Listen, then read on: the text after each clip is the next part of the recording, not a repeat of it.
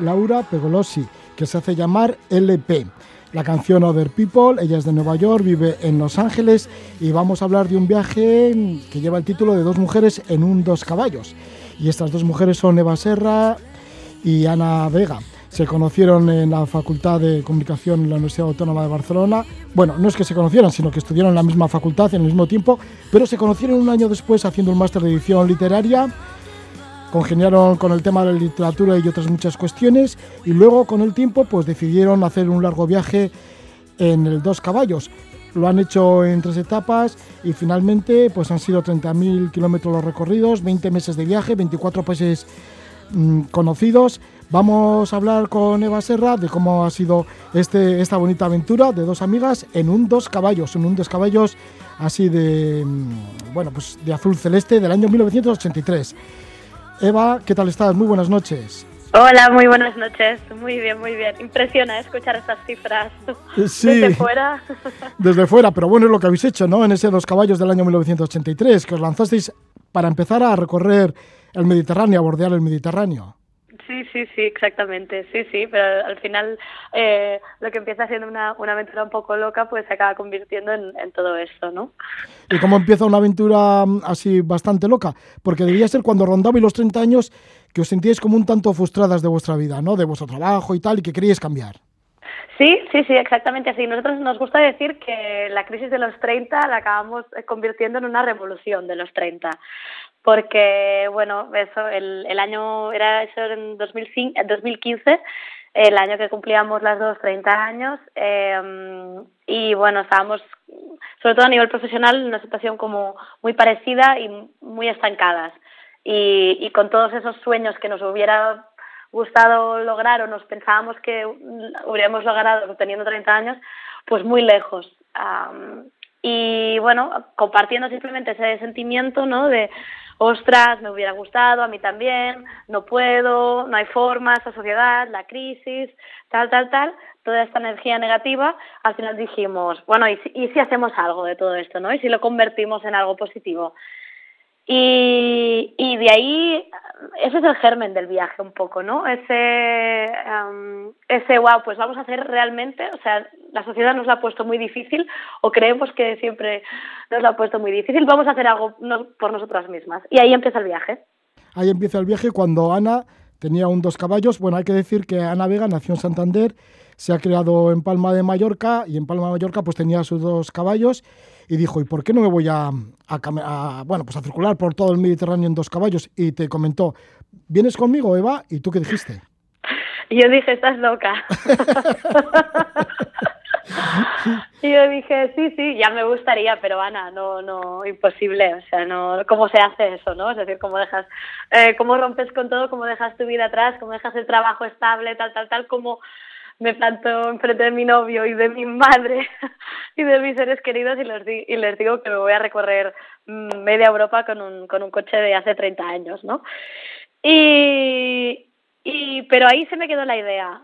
Eh, y le estuve dando vueltas y pensé, jo, es que Ana lo va a hacer. O sea, yo sé que Ana, ella tiene ADN aventurero 100%, había viajado un montón ella sola con anterioridad y pensé, guau, es que lo va a hacer y yo me voy a quedar ahí sentada mirando cómo lo hace. Pues no, no, no puede ser.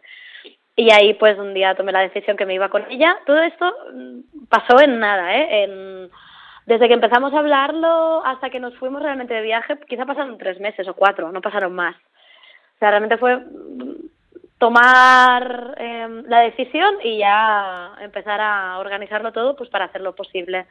Y cuando le cuentes a tu novio y a tu madre que te vas, también pensarás, estáis locas, ¿no? ¿O qué? También, también, también. De hecho, hicimos una cosa muy divertida en su momento, que fue grabar las reacciones de nuestro entorno cuando les contábamos la historia. Y tenemos estos vídeos en algún sitio, no los hemos publicado nunca, ¿eh?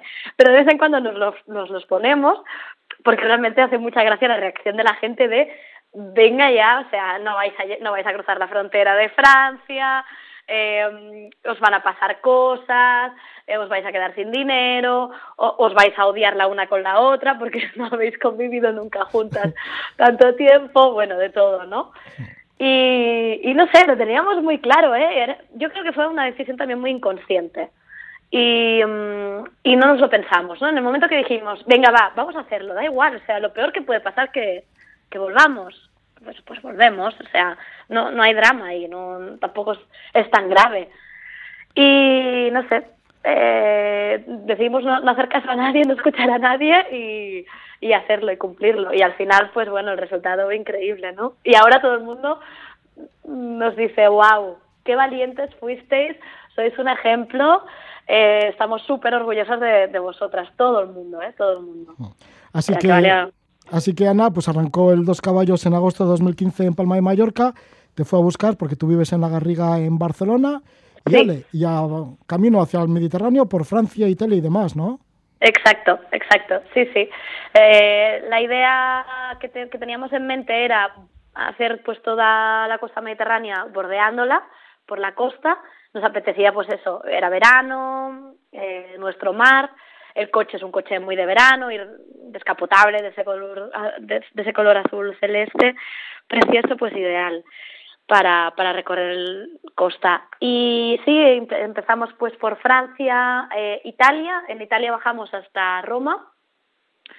En Roma cruzamos el país eh, por la, hacia la costa adriática, subimos y ahí ya entramos en los Balcanes y recorrimos pues toda la península balcánica que la desconocíamos las dos y nos encantó, la verdad. Eh, o sea, fue pues Eslovenia, Croacia, Bosnia, Montenegro, Albania, os lo digo un poco por orden. Eh, Albania, Kosovo, eh, Serbia, Macedonia, Grecia, eh, Bulgaria, hasta llegar a Turquía, Estambul, que era como el, el primer objetivo que nos, que nos pusimos. Barcelona, Estambul, por la costa mediterránea. ¿Viajabais con la tienda de campaña? ¿Utilizabais el camping libre? ¿Mm?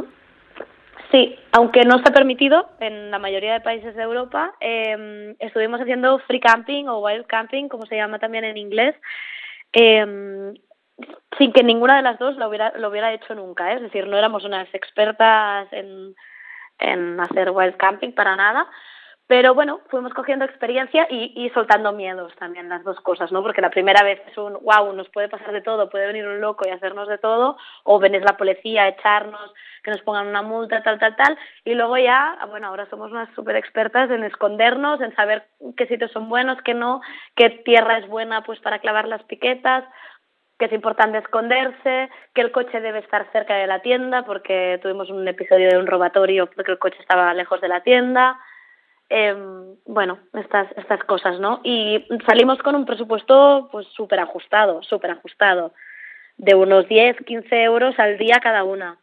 Y entonces eh, la tienda de campaña eh, nos permitía pues ahorrarnos eh, el alojamiento en este caso, que siempre es lo más caro, ¿no? Y también intentamos eh, gastar el menor dinero posible en comida entonces, pues teníamos un camping gas y los cuatro utensilios de cocina de camping y, co y cocinábamos, intentábamos cocinarlas nosotras y llevábamos la comida en el coche. ¿Cuál era el truco para buscar un sitio así un tanto escondido, que no se os notara demasiado? Eh, siempre cogíamos, o sea, la clave es de una carretera más o menos secundaria. Nosotros con el coche prácticamente no, no hemos cogido carreteras principales eh, pues de una carretera secundaria ir, ir perdiéndote por caminitos. Es decir, de una carretera secundaria que lleva una, a una carretera más chiquitita y siempre que haya naturaleza, pues por ahí se puede ser pues un, un pequeño bosque o arbustos bastante grandes.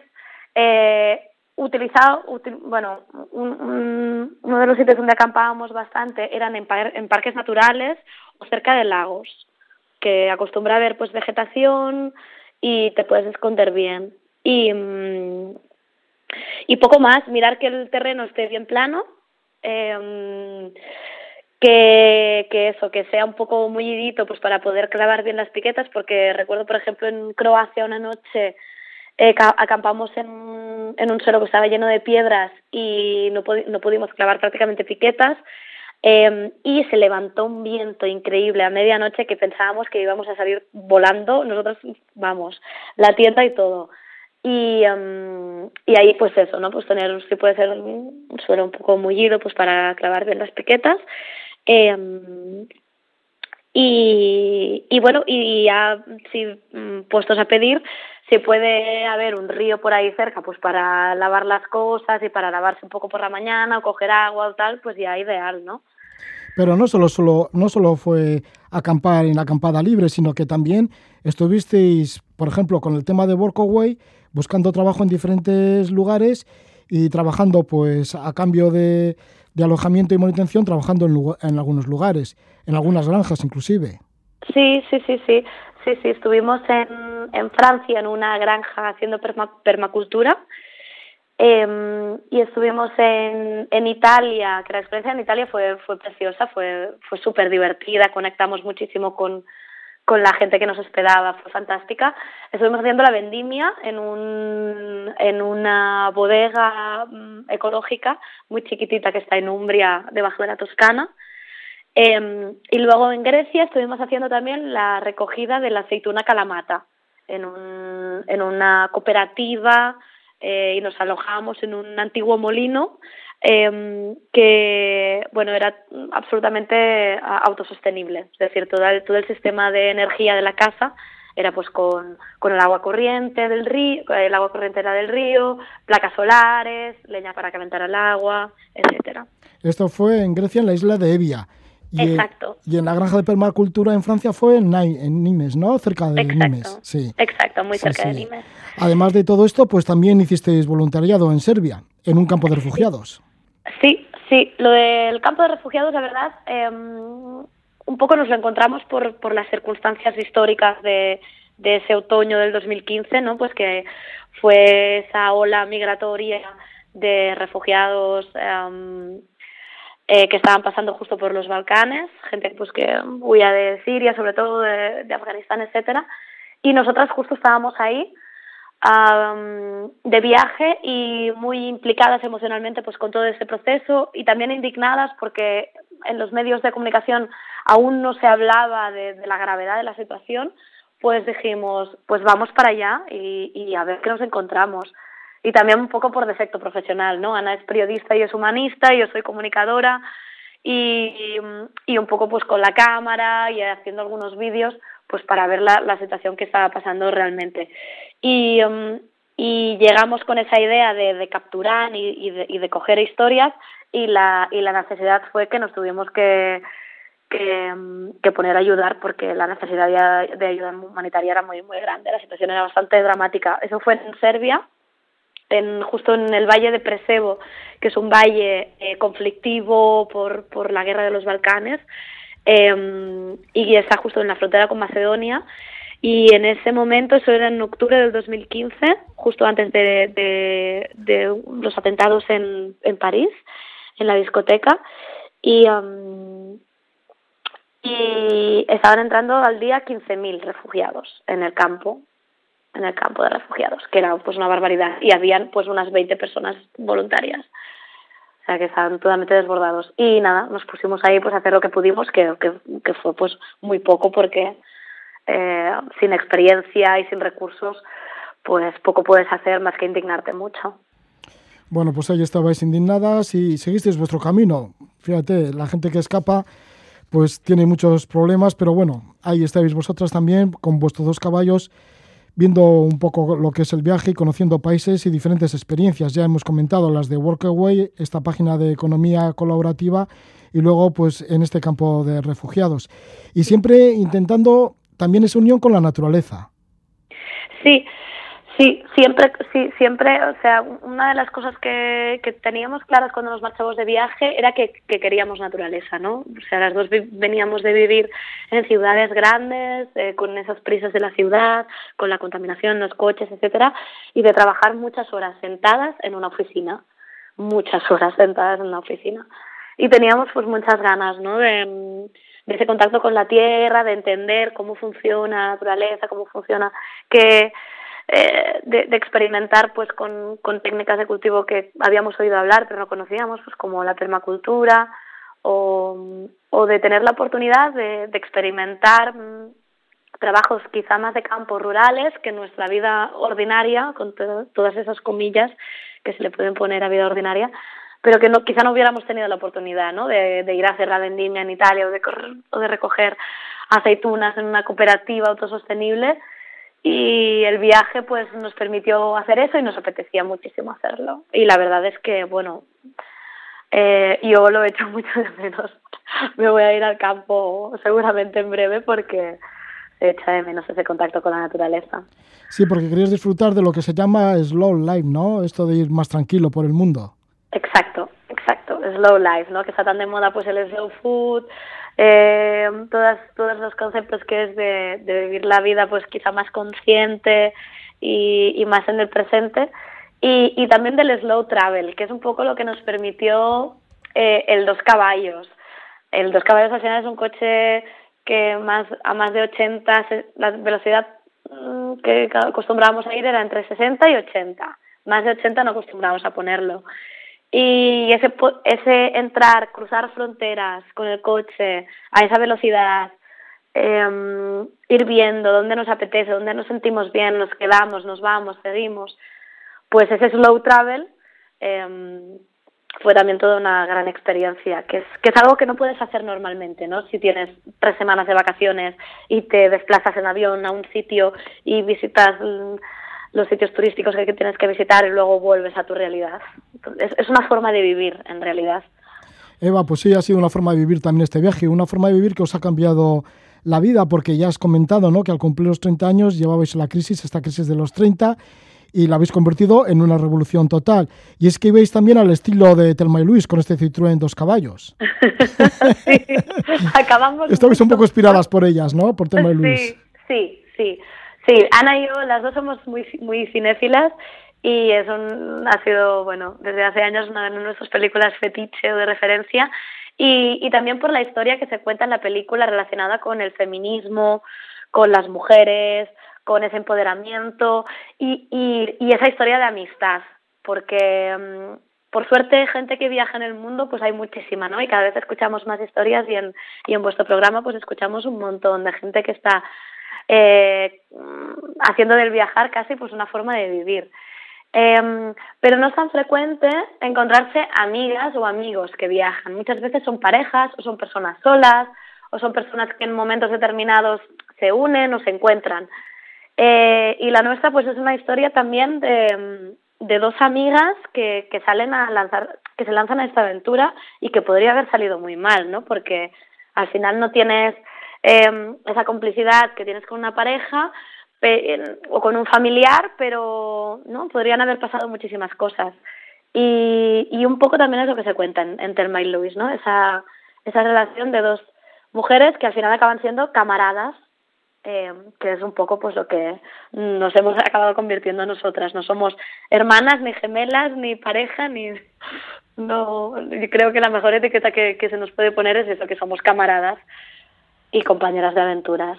¿Qué sucedió a estas dos compañeras de aventuras cuando llega el final del viaje, cuando llegáis a Estambul y el objetivo ya estaba cumplido? Porque después de haber vivido lo que has comentado no en Serbia como voluntarias al campo de refugiados del Valle de Presevo, con esa experiencia tan importante, ¿no? tan al límite también de muchas personas de haber conocido todo aquello, de haber estado recogiendo la aceituna calamata en la isla de Evia en Grecia o en Umbría eh, pues con la vendimia en una bodega Nice en una granja de permacultura, más todo lo que habéis podido vivir con un montón de gentes de los diferentes lugares, cuando llega el final del viaje, ¿qué sucede? Pues que dijimos que no, que no, que no había, que no había final, que queríamos seguir las dos. O sea, cuando cada vez que recuerdo perfectamente ese día en que, en que llegamos a Estambul, eh, que fue como un wow, lo hemos logrado, o sea, aún ahora, dos años después, dos años y medio se me pone la piel de gallina, ¿no? De wow, estamos aquí eh, y no queremos que eso termine para nada. Y entonces eh, lo que pasó es que yo no tenía dinero, o sea, había ya agotado mis fuentes económicas, que ya eran muy escasas cuando me marché de viaje, eh, Ana tenía la posibilidad de, trabajar a distancia, entonces ella había estado trabajando mientras viajábamos online, pero yo no. Entonces cogimos el compromiso de seguir con el viaje, pero yo tenía que volver a casa a trabajar y ella me dijo, mira, hacemos una cosa, yo sigo por mi parte y tú vas, ahorras, trabajas, ahorras y te unes a mí, pues donde me pilles. Y así lo hicimos. Y entonces eh, ella recorrió sola toda Turquía, eh, el Kurdistán turco, entró a Irán recorrió todo Irán hasta el sur, hasta, hasta Sirá, eh, volvió a subir, eh, llegó a Armenia y de Armenia pasó a Georgia. Y en Georgia, en Tbilisi, en la capital de Georgia, nos volvimos a encontrar las dos. Y nos encontramos las dos em, con, con, el, con, un nuevo objetivo en esta como tercera etapa del viaje, ¿no? Después de, de la etapa que Ana está sola, eh, pues en esta tercera etapa el objetivo era Asia Central, que era algo que a los dos nos apetecía mucho, pues visitar los stands, Uzbekistán, Kirguistán, Kazajstán, etcétera. Y, mm, y bueno, con ese objetivo en mente cruzamos la frontera de, de Rusia por Chechenia y justo al cruzar la frontera nos encontramos con dos problemas graves. Uno que fue eh, el coche que murió y el otro un problema con el visado de Ana.